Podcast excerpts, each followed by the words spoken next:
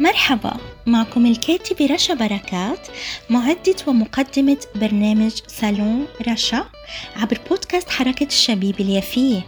صالون رشا رح يكون صالون مفتوح لكل أنواع العناوين المحلية والعالمية واللي أكيد بتفيدنا.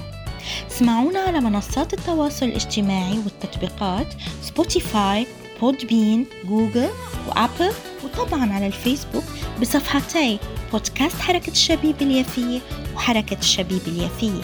سالون رشا.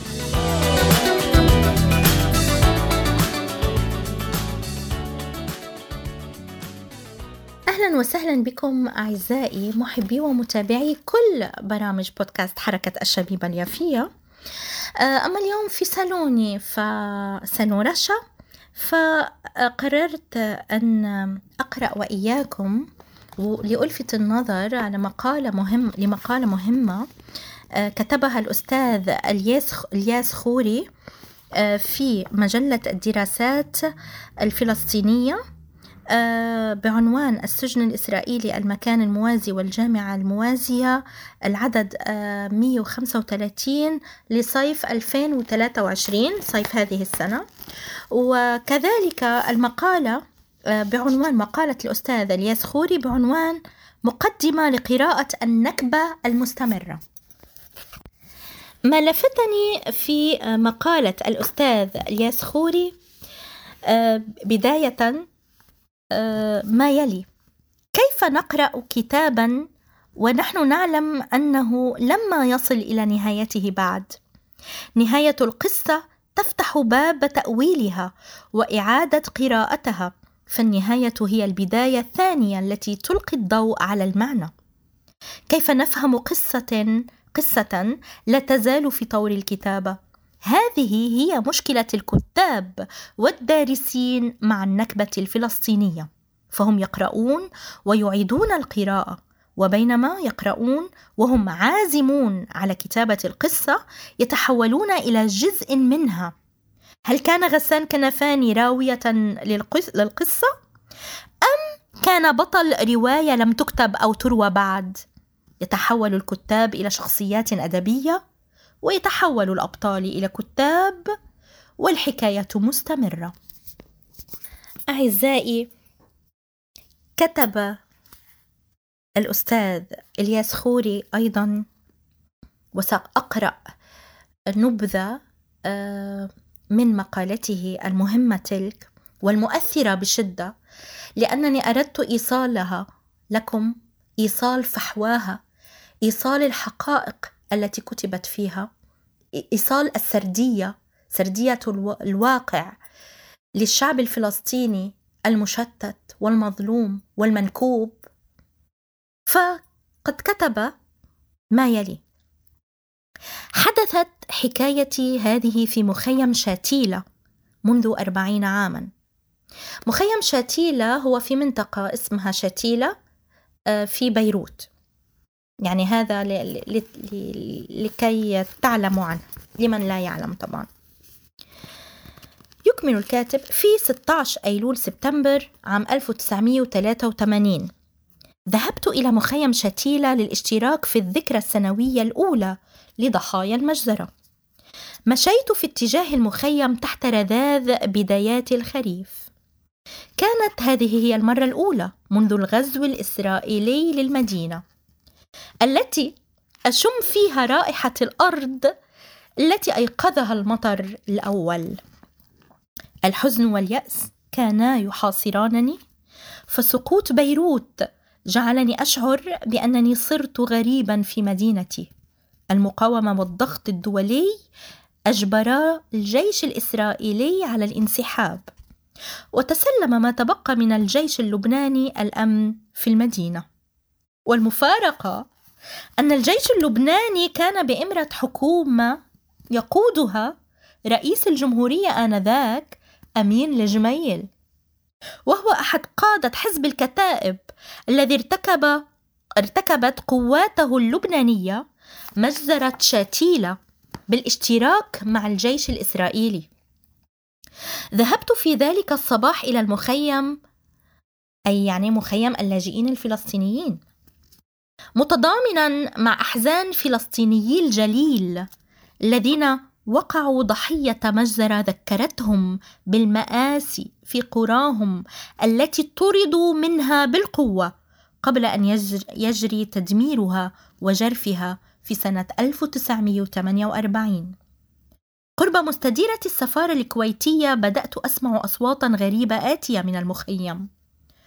أصبت بالدهشة والعجز عن الفهم حين وجدت نفسي وسط مجموعة من النساء المتشحات بالسواد وهن يلوحن بالأعلام الفلسطينية ويزغردن.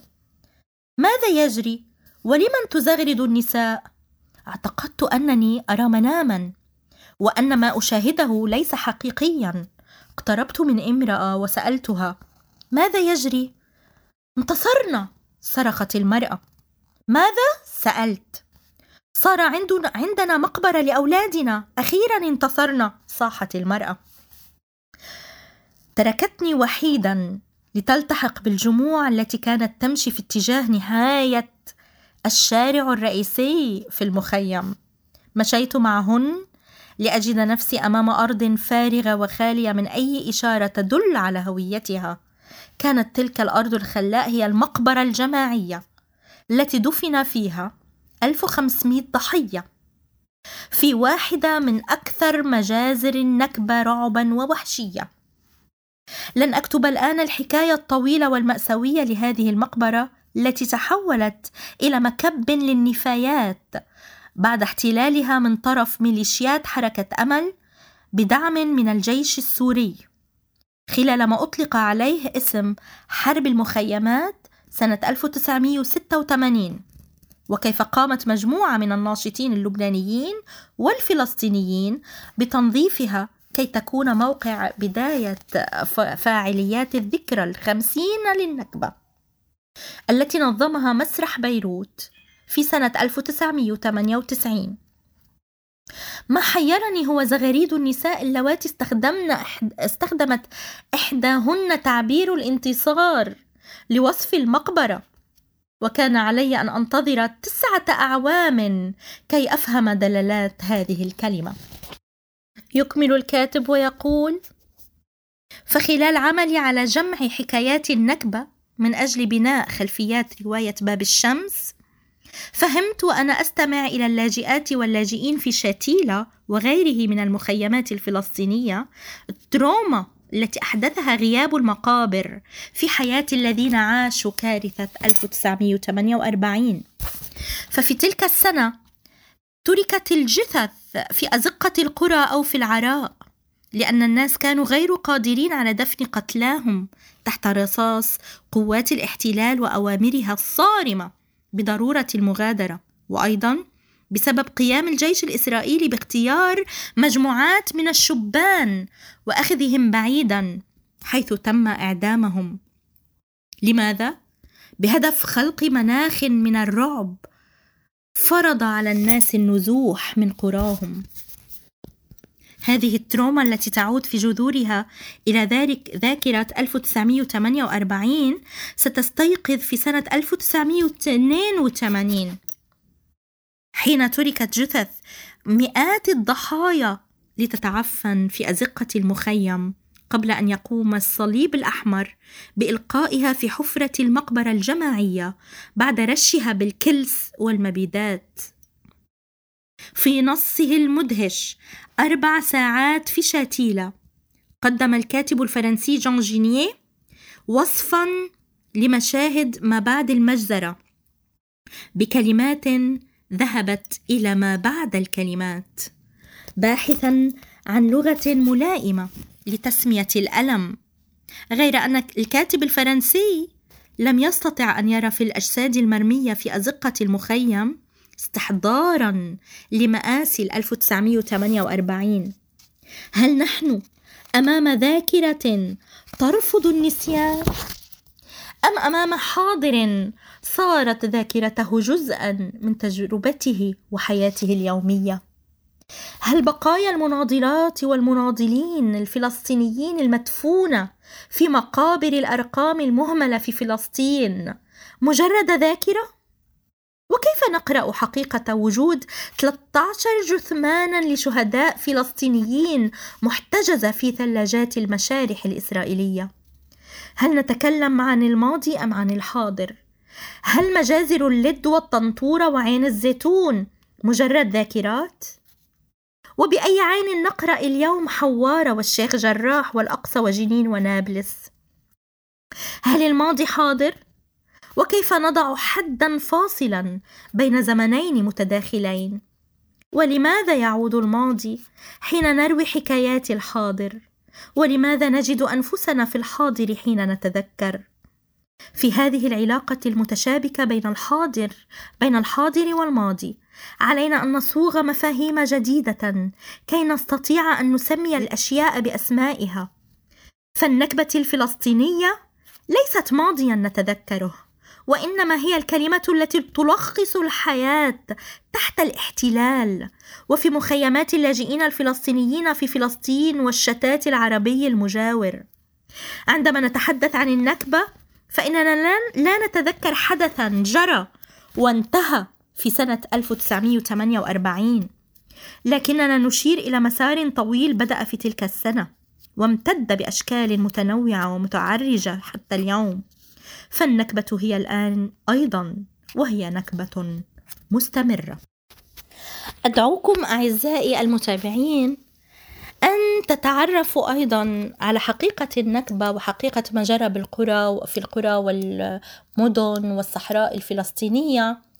آه، في برنامج الماضي الحاضر لزميلي رامي صايغ هذا البرنامج المهم الذي يعني يفند بكل قرية وكل مدينة لوحدها ويعني يقوم بالإدلاء بالمعلومات حولها وكذلك ما حصل حقيقة أثناء النكبة. وأثناء التهجير وغيرها.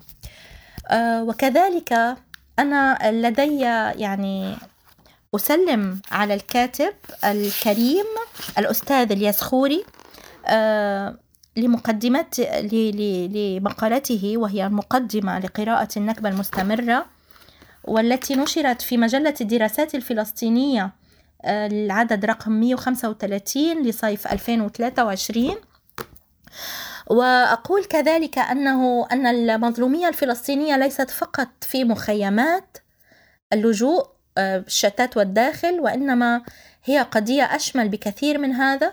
هي قضية كل آه، فرد فلسطيني أينما تواجد في مخيم أو خارجه هي قضية الفلسطيني وقضية الأرض الفلسطينية.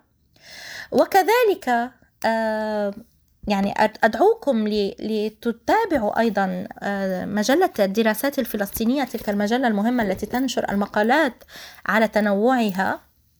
وألفت النظر أيضا أننا نحن يعني لدينا كذلك في مدينة يافا ومدننا الثمانية وأربعين مظلومية فقط أيضا كل المظلوميات.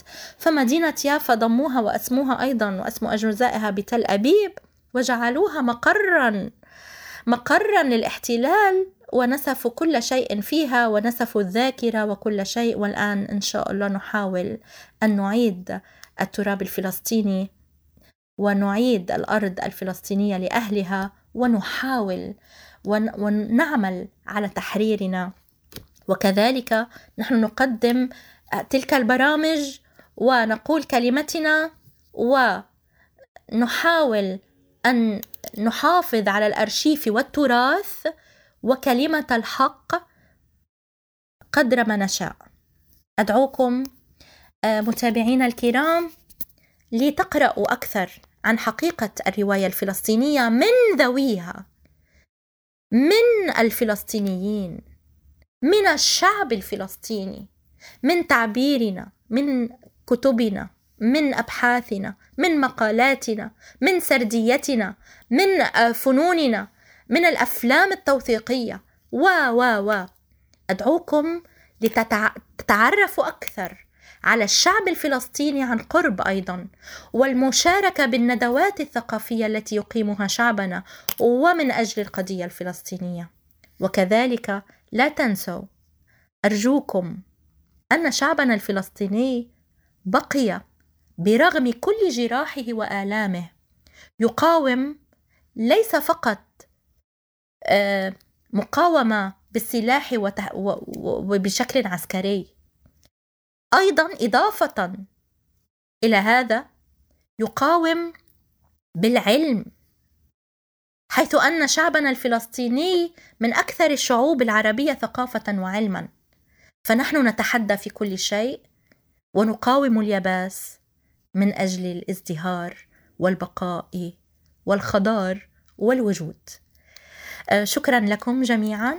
آه، أتمنى لكم أن تتابعوا يعني تستطيعوا كذلك أن تتابعوا كامل برامج بودكاست حركة الشبيبة اليافية عبر منصات التواصل الاجتماعي والتطبيقات مثل Spotify Apple Google و Podbean وكذلك عبر صفحتي الفيسبوك حركة الشبيبة اليافية وبودكاست حركة الشبيبة اليافية وصفحة الإنستغرام بودكاست حركة الشبيبة اليافية.